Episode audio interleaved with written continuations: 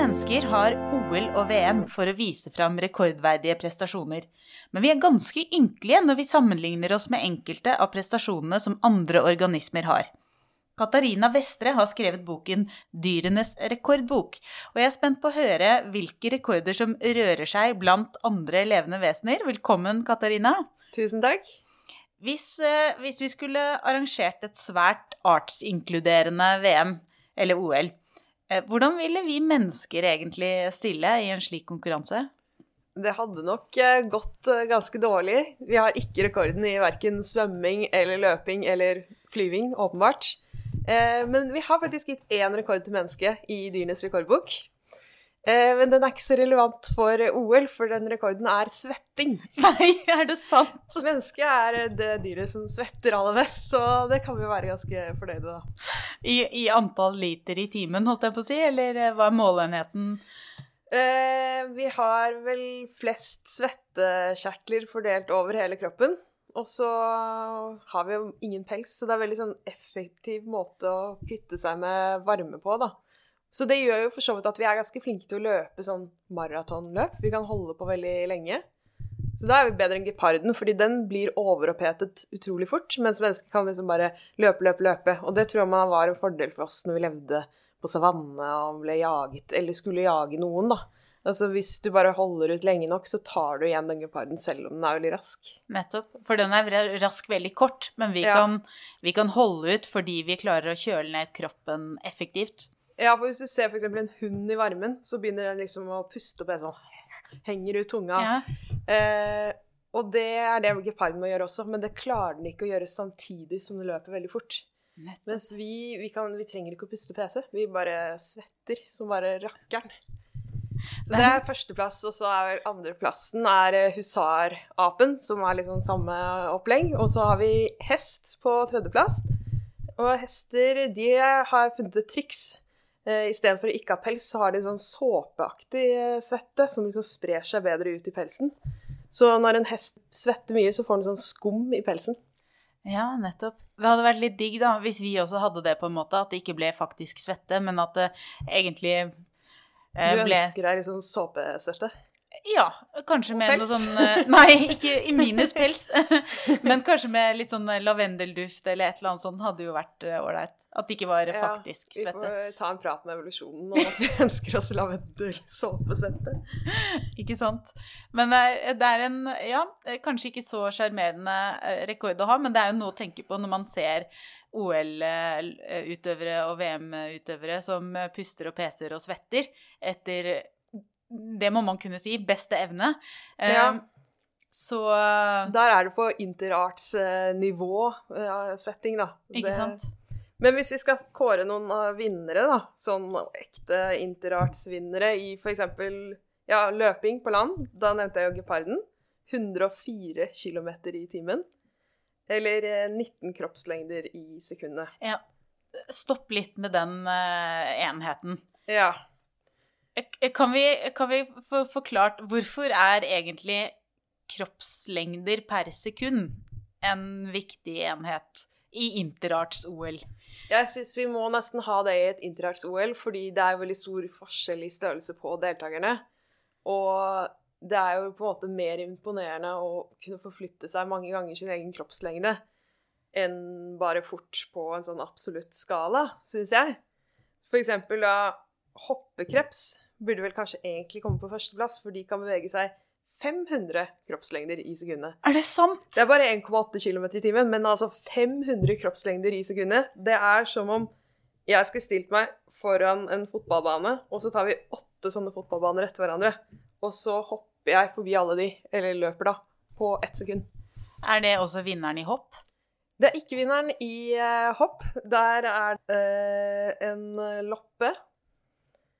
Vi kan, ta, vi kan ta den når vi kommer til hopp, men, eh, men eh, hvis vi holder oss til denne eh, kroppslengder per eh, sekund-enheten, da.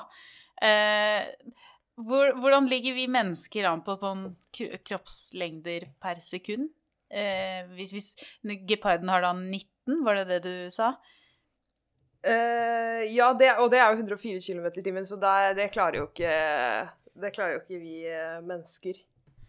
Nei, vi er, vi er nok ikke i nærheten engang. Eh, Nå har, nå har jeg vært så interart, så jeg har jo selvfølgelig ikke sjekket opp menneskenes kroppslengde per sekund, men eh, Nei, men eh, der tror jeg faktisk eh, Og jeg, jeg tror heller ikke jeg har eh, menneskenes kroppslengde per sekund, men jeg har jo i hvert fall eh, eh, en cirka tall. Er det ikke 44, et eller annet kilometer i timen som er vår toppfart? Det kan høres Ja. eh, riktig ut. Jeg Ja. tror det var Nå skal ikke jeg Jeg tar det med en liten klype salt, så for de av våre lyttere som er skikkelig OL- og VM-nerder, så må jeg bare beklage. Vi er gode på dette med arter, ikke oss mennesker. Vi skal skinne litt fram at jeg ikke er en sånn sportsperson, men mer en sånn dyreperson. Ikke sant? Men jeg tror det var Usain Bolt. Jeg, tr jeg tror det er han som har den. Um, og det tilsvarer noe sånt som 11 kroppslengder per sekund, tror jeg. Eh, men da er jeg litt usikker på hvordan de har regna det, da. Eh, altså hvis man på en måte tar toppen av et menneskehode og så liksom tenker størrelsen vår sett rett ovenifra, så er ikke vår kroppslengde på en måte så stor når man ikke tar med høyden. Vi, vi, Ja. vi, lager, vi kaster liksom ikke så mye skygge når sola står rett over. Det kanskje Det har jo noe å si. At vi dominerer i høyden og ikke i bredden. Det er en ulempe, da, i kroppslengde per sekund. Ja. Ja, det Jeg vet ikke om de kanskje regner det etter av høyden menneskets høyde fra topp til tå. Vi, vi får, eh, I Interarts-OL så får vi ta det på en måte opp til eh, diskusjon, om, eh, om høyden over bakken skal få lov til å telle, eller lengden på steget. eller, om, eller om det er liksom kroppsbredden, eller kroppslengden, som skal få telle. Kanskje det blir noen nye, nye rekorder hvis man begynner å telle annerledes. Vi får se. Der har vi i hvert fall geporden på 19 eh, kroppslengder per sekund, Og så da hoppekrepsen med 500. som er sinnssykt langt. Det er ganske sinnssykt. Og det er også det er ganske kult eh, hvordan de har klart å måle dette her. Eh, fordi hoppekrepsen gjør liksom dette bykset når den skvetter.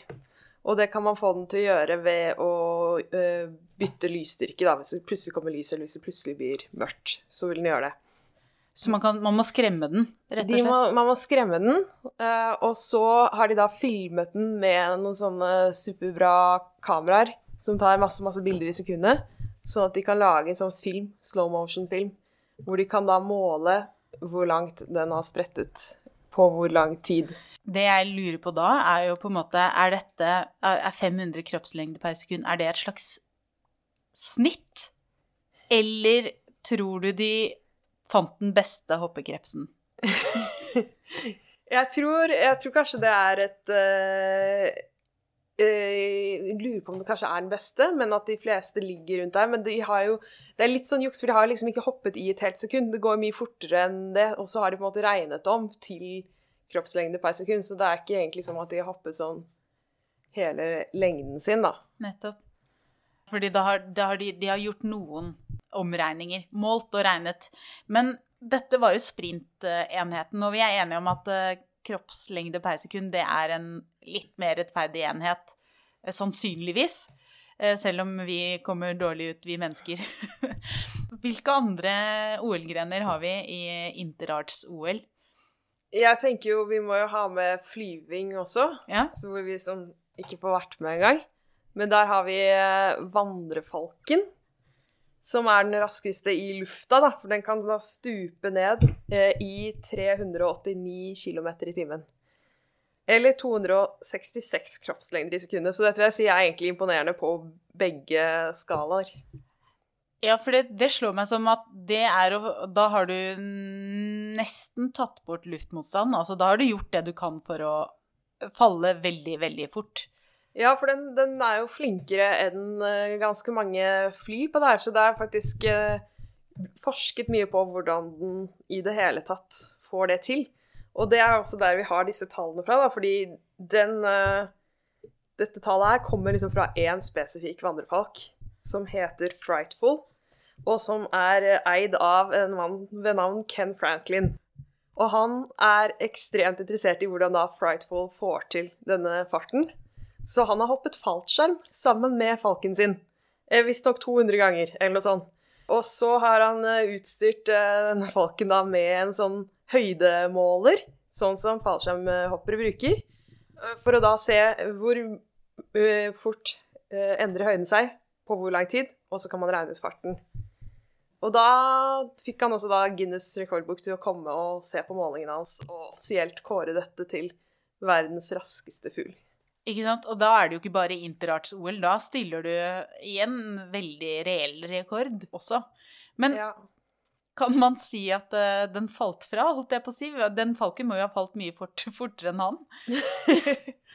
ja, det Det må han ha gjort. Jeg er litt usikker på hva som var liksom ideen med at han skulle hoppe sammen, egentlig.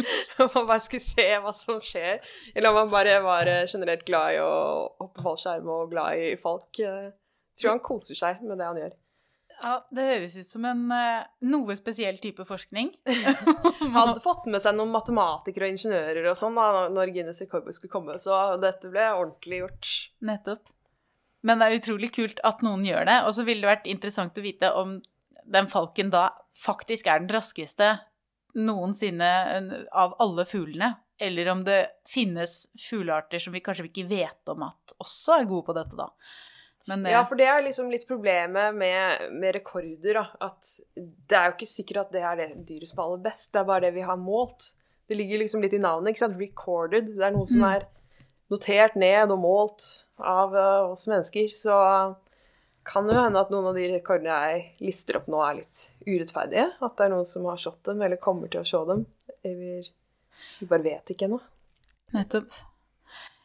Men vi er, vi er da på flyving, eller Ja. fall, egentlig. Ja, det er det. Det er jo nesten ikke flyvning. Det er jo mer et slags stup. Ja. Men jeg tenkte vi kan jo ha langdistanseflyvning. ja, for det blir jo noe helt annet igjen. Ja, eh, jeg tenkte det var en fin gren å ha med interarts-OL, fordi det er en fugl som da flyr ni dager i strekk uten pause. Den heter lapspove. Eh, De drar fra De finnes litt rundt omkring i nord, det finnes i Nord-Norge også. Men de som de har målt denne lange flyturen på, da, det er noen som drar fra Alaska til Australia om vinteren. Og der har de målt med satellittracking at de da flyr i ni dager uten pause over Stillehavet. Det er langt, og det er veldig imponerende. For det betyr at det er ni dager også, antagelig uten noe særlig hvile. Altså ikke, ikke hvile i det hele tatt, og ikke noe søvn. Nada. Ja, de har jo noen triks, jeg vet ikke om lapsbånd gjør det, men i hvert fall albatrosser kan jo nærmest Altså, de kan liksom sove mens de bare glir gjennom lufta. Så det er jo nesten ikke flyvning det heller, men mer gliding. Glideferdigheter. Ja. Men det hørtes også litt digg ut. Altså Ja. liksom bare ha en tilværelse, da, hvor man lever av å bare gli gjennom lufta og bare sovner over skyene, liksom. Du drømmer egentlig om å kunne gli gjennom lufta mens du svetter sånn lavendelsåpesvette, ikke sant? Der har du sånn Hvis du får tilgang til litt avansert genteknologi, så er det den arten du lager. ja. Noe englelignende med store glidevinger og lavendelsvette. ja. Ja, nei, men eh, langdistanse glidning, det er en Ja. rekord som høres eh, vesentlig mindre Eller sånn mer behagelig ut å ha, da. eh, som rekord. Men Ja. eh, å fly i ni dager i strekk, det tror jeg kanskje er litt mer slitsomt. ja, da tror jeg du er litt pjusk når du ankommer Australia og endelig skal spise igjen. Ja.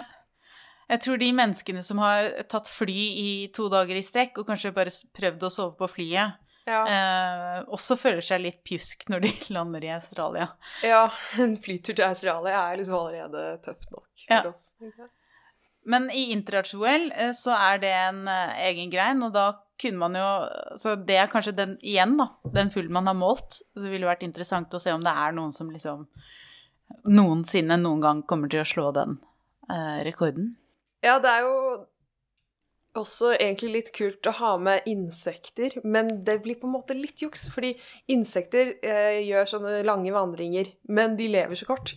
Så det er jo på en måte ikke ett individ, da. Det er generasjoner som fortsetter reisen.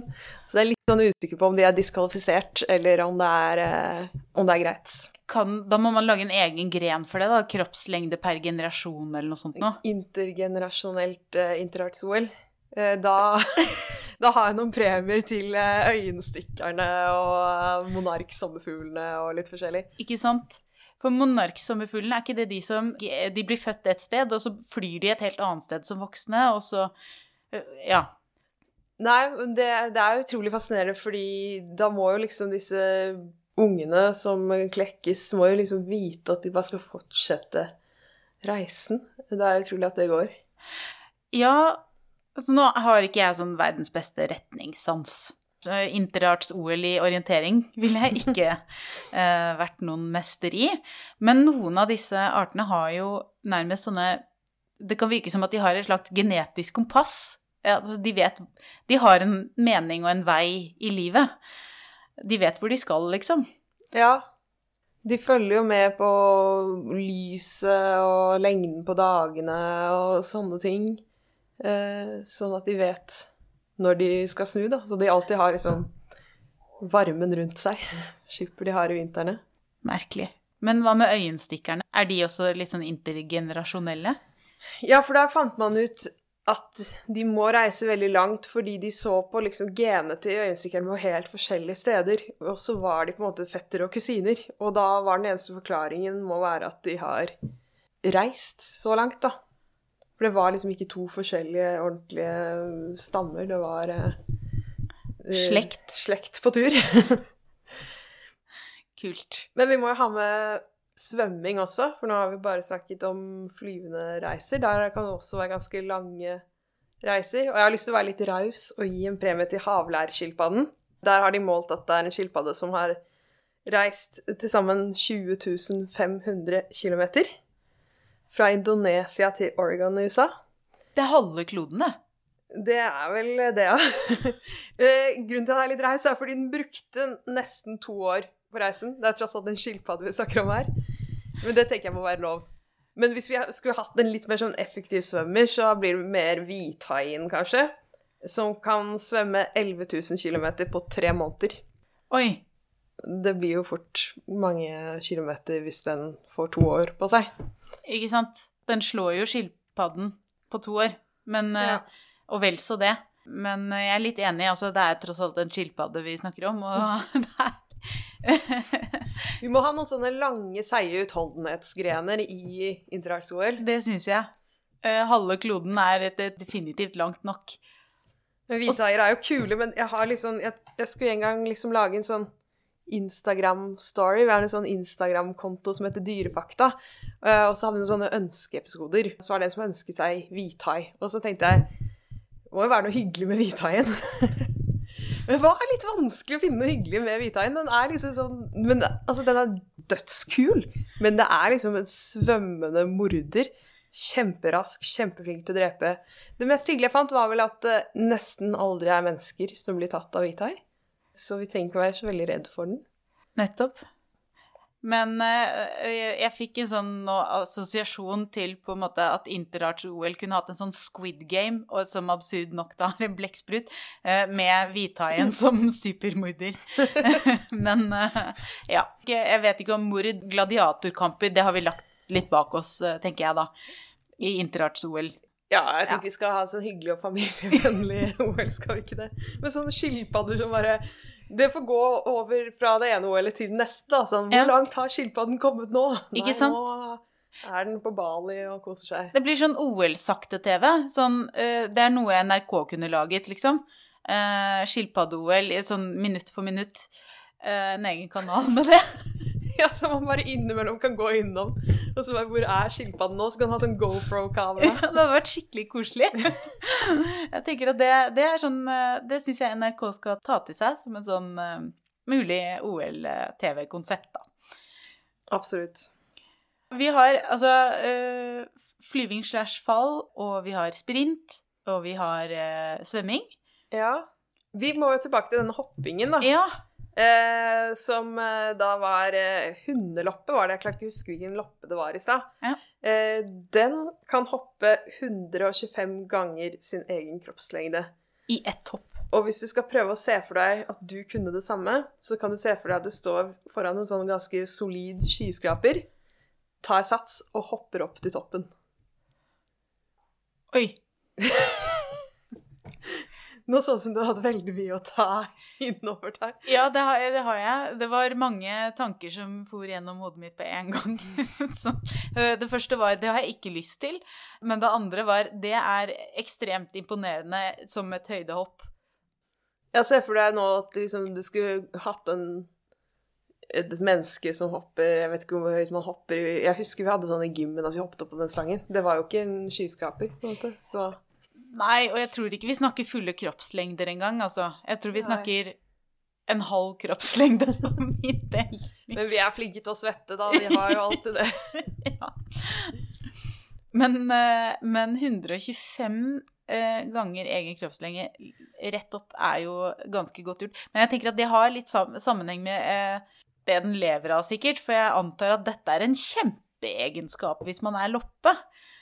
Og skal suge blod av noen og hoppe over på et annet dyr osv. Da Ja. Ja, det er jo det som er at uh, de fleste dyr er jo på en måte gode på det de trenger å være gode i, da. Mm. Men nå har vi jo snakket veldig mye om sånn kroppslige prestasjoner, men eh, veldig mye av eh, Dyrenes rekordbok er jo egentlig ytterst rare rekorder. ja. Noen ganger bærer det kanskje litt preg av at vi fant ut noe kult, og så tenkte vi "Eh, kan dette være en rekord?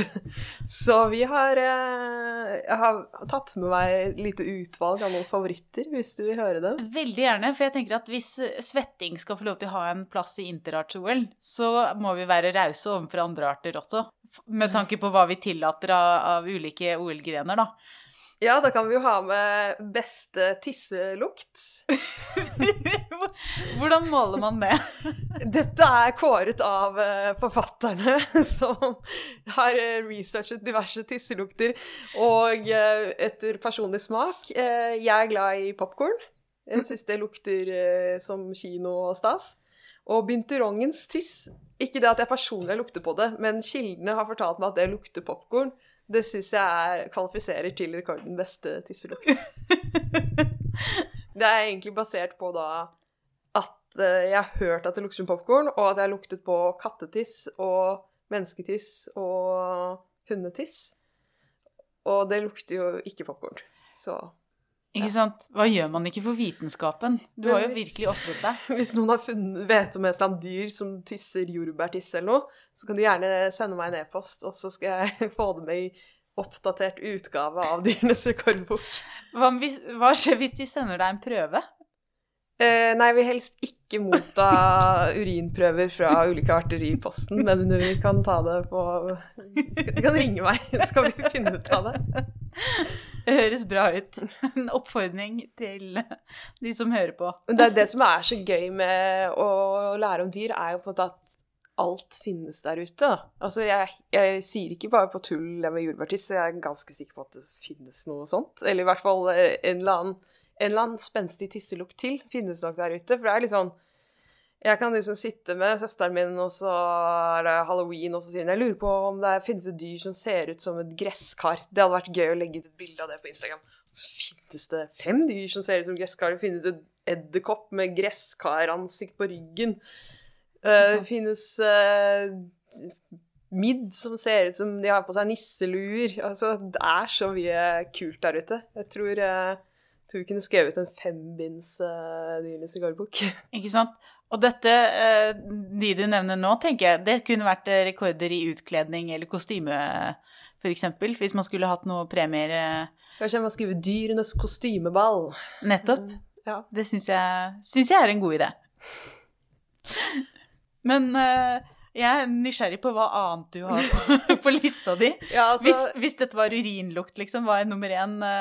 Det er jo en bok hvis hovedmålgruppe er kanskje 6-9 år, men passer for eh, barn i alle aldre, selvfølgelig. Eh, men vi har jo tenkt litt på vårt publikum, så vi har jo da en temaside om promp, en om tiss og en om bæsj. Vi tenkte er dette for mye, men responsen har vært eh, god. Så vi har jo også rareste bæsjefasong. Ja. Har du lyst til å gjette? Um, jeg tror jeg har en idé om dette. Fordi bæsj er, som du sier, gøy i alle aldre. Eh, jeg tipper at det er eh, wombat-bæsj. Det er helt riktig! Wombaten som da har firkantet bæsj. Og det er veldig gøy når man googler det, for man tenker sånn Hvor firkantet er den? Og den er helt firkantet. Og jeg tenker, hvordan Det må være så eh, ubehagelig, tenker jeg, å, bæsje noe som er firkantet. Men den har en så veldig lur tarm som liksom trykker det sånn fint ut i sånne pølse, firkantede pølser. Ja. Så det går, jeg tror det går bra. Og så er det Det er jo noen interessante hypoteser rundt liksom, hva er vitsen med firkantbæsj. Og en av dem er jo rett og slett at firkanter ikke triller. og det er en fordel, fordi Wombaten bruker den bæsjen litt sånn til å legge igjen beskjeder til andre wombater. Og da vil du liksom at beskjeden skal være på riktig sted, ikke sant? Så hvis den triller rundt, så plutselig har du sagt noe til feil wombat, eller markert feil sted, og så blir jo bare alt rot. Firkantbæsj, den kan du stole på. Den holder seg der den skal være. Det er bare å stable og på en måte legge Ja, for det gjør de også. runene, De stabler dem. Ja. Og det er jo også, du kan ikke stable rund bæsj. Nei, nei, det er mer utfordrende. Mm. Kaker kan man stable til en viss grad, tenker jeg. Ja. Men eh, nei, det er jo ypperlig. Eh, Jeg skulle likt å se et paper som på en måte prøver å tolke hva de sier til hverandre. Det hadde vært interessant.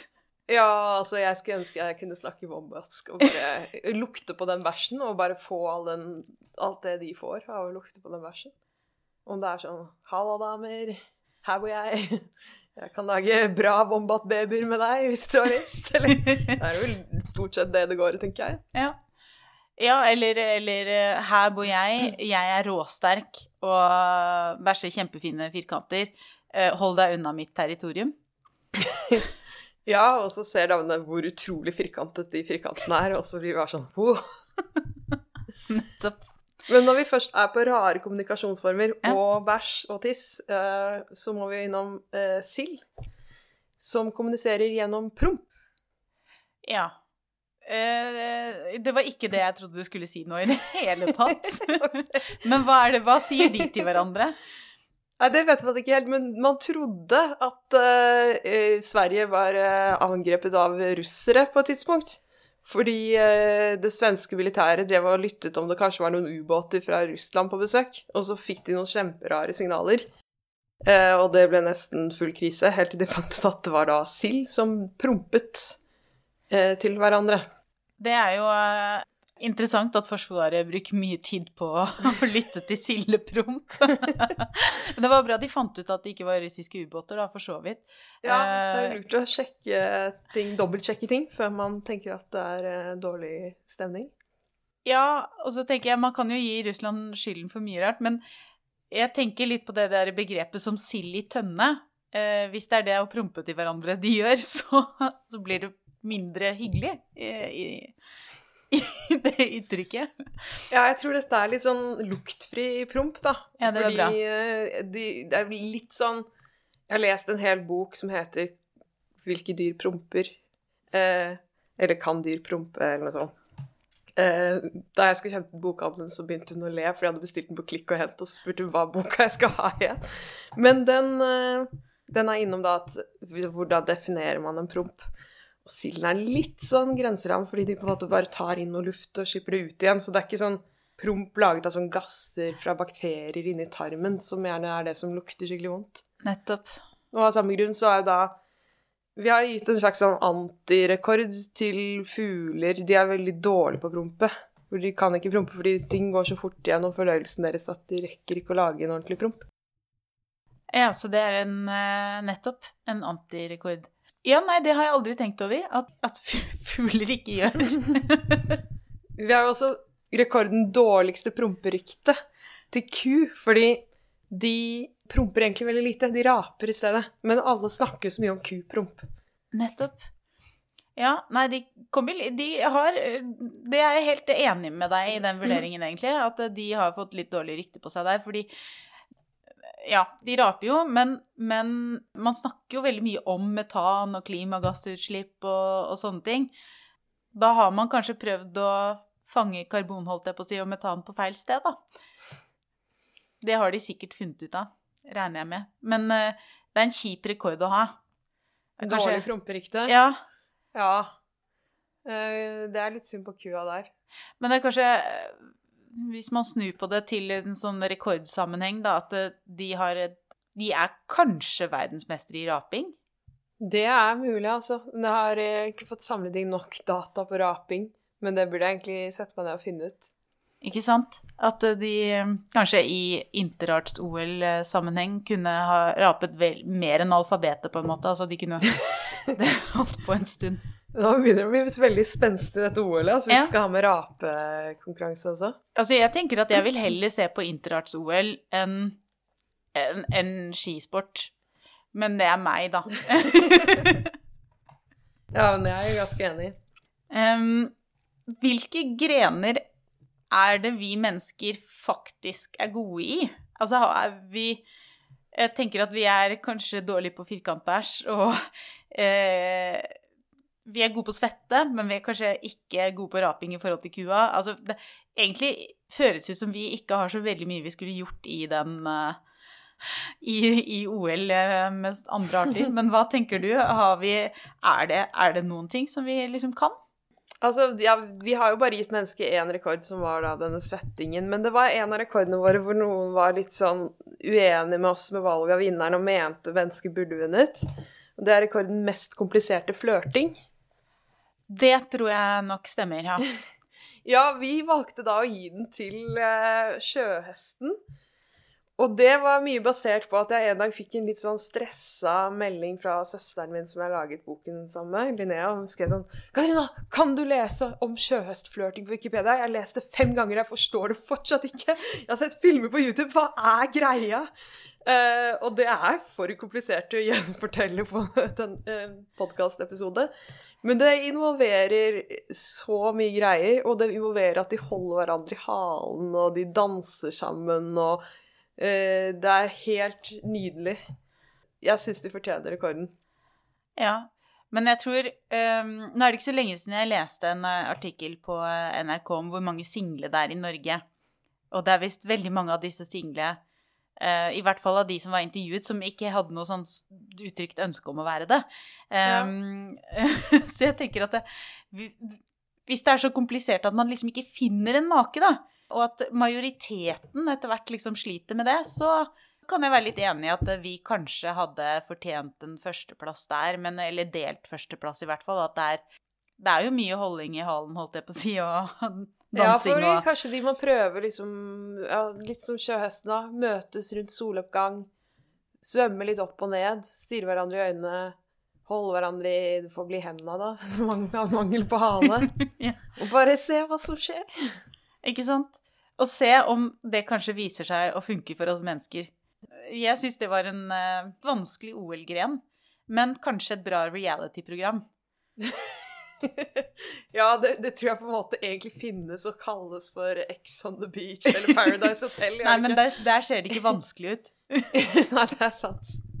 Eller komplisert. Så ideen er eh, reality-TV der vi samler men single mennesker for å teste andre arters sjekketriks, egentlig. Ja, det kunne vært noe. Eller se hvor komplisert Ha et reality-program hvor ingen finner hverandre. Eh, men det er kanskje kjedelig. Ja. Er det andre ting hvor vi mennesker kan på en måte briljere? Vi har jo liksom gjort det litt vanskelig for menneskene i boka vår, fordi det er jo en del ting som vi bare ikke har sjans på fordi vi har en del rekorder som er knyttet til medfødte attributter, sånn flest eh, øyne, for eksempel. Vanskelig å slå den. Mm. Og det som også er litt gøy, er jo du har disse sprø rekordene, og så ender opp dyr som man trodde ikke var så veldig kule, med å ha syke rekorder. Sånn eh, på øyene, det er ikke førsteplass, men andreplassen, da, er et helt vanlig kamskjell. Som kan ha opptil 200 øyne. Så det kan du tenke på liksom, hvis du spiser kamskjell eh, en dag, da. Hvor er alle disse øynene hen? De er liksom, sitter sånn på rekke og rad liksom langs eh, Hvis du ser for deg sånn skjell som er liksom åpnet opp, da, så sitter de liksom på rekke og rad i, langs åpningen. Ser ut som sånn bitte små blåbær, egentlig. De er veldig fine. Men de er veldig, veldig små, da. Og hvis du ser på dem sånn skikkelig, skikkelig nærme, så Stirrer dem i øynene, rett og slett. Nei, liksom mikroskopnærme, da, Ja. så har de funnet ut at de øynene er satt sammen av mange sånne små speil. Så de er nesten som sånne teleskoper. Mm. Og det, det kommer jeg nok til å tenke på hvis jeg liksom ser et levende kamskjell, at den liksom stirrer på meg med 200 teleskopøyne. Det har, det har gitt meg et nytt blikk på kamskjellet. Du tenker ikke på det når du på en måte bader i sjøen, eller at det er Jo, sånn absolutt. jeg vet ikke om jeg kanskje har en slags sånn ny ærefrykt i møte med kamskjell. Som eh, man nesten glemmer at det er dyr, ikke sant. Du tenker liksom tenker så mye på dyr som noe som beveger seg eh, raskt eh, og liksom responderer på ting, da. Men kamskjeller liksom bare ligger der. Så er det egentlig ja, Og observerer. Ja. Ja. Kamskjellet ser der. Men, men medfødte attributter kan jo gi ganske mye rarere rekorder. Det kan jeg lett, lett se for meg. At, men, men det er vanskelig å konkurrere i. For der har på en måte evolusjonen fått gjøre sitt. Så det er Ja. litt sånn urettferdig konkurransemodell, da. Og så skulle man kanskje tro at mennesker vinner i hvert fall noe knyttet til hjernen, ikke sant? Men det er veldig vanskelig å finne noe der vi kan måle som vi er best på. Fordi den største hjernen, det blir spermhvalen. Og det er litt kult, fordi spermhvalen er jo ikke den største hvalen, det er blåhvalen. Men spermhvalen har større hjerne likevel, og det tror man er fordi de gjør litt kulere ting enn blåhvalen. Altså blåhvalen svømmer rundt, åpner munnen og lar det liksom renne inn krill, og så spiser den så stor og feit. Men spermhvalen må liksom dykke dypt ned og jakte etter blekkspruter og kommunisere med andre spermhvaler og sånn. Så da trenger den litt større hjerne. Men generelt er det jo sånn store dyr har stor hjerne, så det er jo litt juks at spermhvalen slår oss der. Man må kanskje gjøre sånn som med kroppslengder per sekund, at man må ta hjerne per hjernevolum per kroppsvekt eller noe sånt, da. Ja, men det går ikke så bra for oss da heller, vet du. For da er det en sånn edderkopp som er 80% hjerne. Du tyter hjerne ut i beina på den. Er det sant? Og det er jo ikke verdens eh, smarteste edderkopp, da. Men, eh, Som vi vet om. Altså, fordi vi vet jo ikke hvor vanskelig det er å lage disse edderkoppnettene, f.eks. Det kan jo hende at det er kjempevanskelig.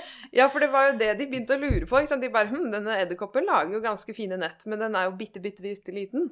Hvordan kan det ha seg? Fordi vi klarer jo ikke å gjøre nerveceller uendelig små. På et tidspunkt Man når liksom en grense der. Og så begynte jeg å tenke sånn Ja, hvor er, hvordan får den plass til hjernen? Det er jo ikke plass til nervecellen engang. Og så fant de da ut at den bare tyter ut i alle steder den kan. Kanskje det er fordi det er så vanskelig å holde styr på åtte bein og mange øyne. Eh, så tenker, så det gjør jo ting litt vanskeligere. Jeg har nok med mine to armer og to bein. Eh, og så, så måtte jeg skulle hatt dobbelt så mye, så kanskje jeg måtte hatt dobbelt så mye hjerne. Eh, Ja, det var vel liksom hva kan vi kutte ned på, og så har de liksom kuttet ned på alt, da. Unntatt Men det, såpass hjerne måtte det være for at den skulle kunne gjøre det den skal. Jeg syns det er litt trist at vi taper det, for den tenkte jeg nok at vi kanskje hadde en eh, en liten sjanse til å gjøre det bra i, men det er kanskje bare egen liksom, egosentrisme som Ja, og så tenkte jeg sånn, ja, ok, men hva med mest rynkete hjerne, da? Kanskje vi kan vinne den, Liksom? Rynkete hjerne assosiert med intelligens og sånn. Ja. Men der kommer delfinen, du, har en kjemperynkete hjerne, den også. Ja. Så da, da vant vi liksom ikke helt der heller. Nei, og så er det kanskje vanskelig for oss å sette oss inn i både delfinen og edderkoppen ståsted sånn å se Det kan jo hende at de har veldig, veldig komplekse indre liv som vi ikke forstår. Ja, for vi vet jo ikke om kanskje delfinene svømmer rundt og bare himler med øynene over alt det tullete vi mennesker gjør. Det vil jeg tro, med tanke på vi, hvordan vi behandler havet, f.eks. Som jeg antar at det er det de har best oversikt over. Sånn at Ja. eh, Det ville ikke overraske meg hvis det svømmer en del delfin rundt omkring og tenker åh, når skal de lære? Ja. Men eh, hvem vet? Hvem vet? Nå har vi jo vært gjennom ganske mange, ganske mange rekorder. Hva er det som imponerer deg mest, da? Og liksom én rekord jeg skal velge ut. Ja. Hvis du ja, Du kan få velge to eller eh, tre. Topp tre. altså, ja, Jeg har jo vært innom en del av favorittene mine her. Og som jeg nevnte, det, liksom, det som imponerer meg, er bare alt som finnes her ute. Både liksom, disse dyrene som man aldri har hørt om, en bitte liten edderkopp som ser ut som et gresskar, da. Eller de helt vanlige dyrene som kamskjellene som plutselig har sånn high-tech øyne som stirrer rundt i havet. I den sammenheng blir jeg også imponert over humre, hvis vi har litt sånn sjømattema her. Eh, som kan tisse ut fra ansiktet. Rareste sted å tisse fra, rekord. eh, nei, vet du hva, det er ikke de som er rareste sted å tisse fra rekorden, for det var en sånn eh, kinesisk bløtskilpadde som tisser ut av munnen. Men, uh, men, vi hadde jo lyst til å ha med hummer nå, så det, de har rekorden barskeste tissing. Og det er da fordi de tisser ut av ansiktet når de har slåsskamper for å imponere damene. Og igjen så er det litt sånn kommunikasjon i det tisset. Ja. Eh, at de kan sende signaler. eh, og fordi det som også da skjer, hvis en hann vinner tisseslåsskampen, da, Eh, og hun har lyst til å velge han, så går hun bort og tisser han i ansiktet fra sitt ansikt. Jeg tenker at jeg tar tilbake det jeg sa om at jeg ville ha et flørteprogram hvor eh, mennesker testet dyreflørter. Å oh, nei! Ja, det, det, ja, jeg tror kanskje vi heller går for den derre havlærskilpadden minutt for minutt-ideen. ja. litt, litt mer familievennlig. Ja, ikke så mye tissing i ansiktet. Um, men uh, jeg er enig i at det er, det er morsomt å tenke på. Eh, jeg kom på en rekord fun fact som du kan få ta med deg videre, som er en rekord som imponerer meg veldig. Nå er rekorden faktisk slått allerede, men eh, de hadde rekorden en bitte, bitte, bitte liten stund. Og det er nemlig albuesnegl, som du finner langs eh, ja, store deler av norskekysten. Den ser ut som en sånn liten sånn eh, Ikke trekant, for den er jo rund, men eh, en sånn spiss. Og den har rekorden, eller hadde rekorden, verdens hardeste biomateriale en liten stund. Da har den mistet den? Ja, jeg tror det. Eh, det mener jeg, jeg, mener jeg har lest, at eh, den gikk til et annet materiale som noen eh, hadde funnet, som faktisk var en type treslag, en, en slags type cellulose. Men det skal jeg ikke si for 100, 100% sikkert, så Men jeg tror det. Men i hvert fall, om den har den eller har mistet den, litt uvisst. Eh, vi får be lytterne sjekke. Det var i hvert fall hardeste biomateriale, og det er tennene, eh, ikke skjellet. Det er jo fordi at den lever av å spise alger som den skraper av granitt. Eh, og tennene sitter ikke på en måte i en munn, men på tunga. Så den tunga ser ut som en liten sånn derre motorsagaktig ting eh, fullt av små tenner som den skraper av eh, alger fra stein med. Og det må, sier seg jo selv at det må være hardt. Ja, vi har gitt den rekorden sterkeste tann, og da høres det ut som vi fortsatt kan ha den rekorden stående. fordi hvis det var et tre som slo den i materialet, så er det jo fortsatt den sterkeste tanna. Nettopp. Den står seg, den. Og apropos det med at jeg har fått et nytt syn på, på skjell, av kamskjell, så har jeg også fått en slags ærefrykt eh, når det kommer til snegler, fordi jeg ikke visste før jeg skrev denne boka at snegler i det hele tatt har tenner. Og når du ser de der motorsagtennene i mikroskopet, så, så får du et litt annen idé av liksom en sånn slimete snegle som kryper langs deg, fordi det ikke bare er den slimete, den rasper og spiser av hånda di. Ja, og de tennene Kanskje? Ser akkurat ut som en Tyrannosaurus rex eh, liksom tanngard. Eh, fordi de har liksom samme vinkel og samme form som skikkelig scary kjøttetertenner. Det er bare det at de er en del mindre, da. Ja, og, men, men, det er jo så sinnssykt mange av dem, så snegler vinner jo både flest tenner og sterkest tenner. Nettopp. En, en, sånn ting som man kanskje kunne uh, tenke på, ikke så veldig familievennlig for så vidt, men som kunne vært morsomt i en interarts-OL, er jo fekting, hvis man tar snegler. Og det er jo igjen en del av deres uh, flørteprosess, da, fordi det er jo om å gjøre å være mann, ikke dame. Eh, og den, når to snegler som begge er intetkjønn, møter hverandre, eh, så tar de fram penisen eh, og fekter. Så dette er jo litt sånn Da er det om å gjøre å vinne, eh, og den som vinner, får lov til å være mann etterpå. Så, eh, så det kunne jo vært, eh, det kunne vært noe, kanskje. Nakensneglefekting. Ja. Ja, det, det tar vi på idéboksen vår. ja. Men kanskje ikke i barnedelen av Interarts-OL. Det tror jeg vi Vi må hoppe over. Eh, Jeg lurer på om vi skal runde av eh, her, og så rett og slett heller spare eh, Hvis du har flere rekorder og flere potensielle kandidater til Interarts-OL, så får vi heller eh, spare det til en eventuell oppfølger neste gang det er VM eller OL. Det er nok å ta av der ute. Ikke sant? Tusen takk for at du var med på denne episoden, Katarina Vestre. Og hvis du som lytter syns at dette var artig og har gode forslag til Interarts-OL, så er det jo selvfølgelig bare å sende oss en eh, e-post på biopodden at bio.no. Du må også gjerne eh, skrive til oss på Facebook eller ta kontakt på andre måter. Vi, vi tar imot innspill med åpne armer. Takk for i dag. Vi høres.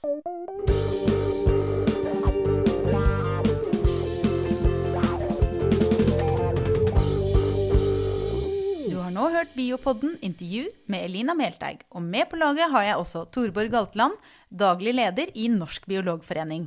Musikken du hørte er laget av biologibandet Overgump og består av Even Sletteng Garvang, Markus Fjelle, Erik Møller, Mathias Kirkeby og Audun Rugstad. Fortell gjerne om podkasten til venner og kjente, og gi oss tips og tilbakemeldinger på e-posten biopodden at bio.no. Og hvis du vil støtte oss, er du hjertelig velkommen som medlem av Norsk biologforening. Vi høres!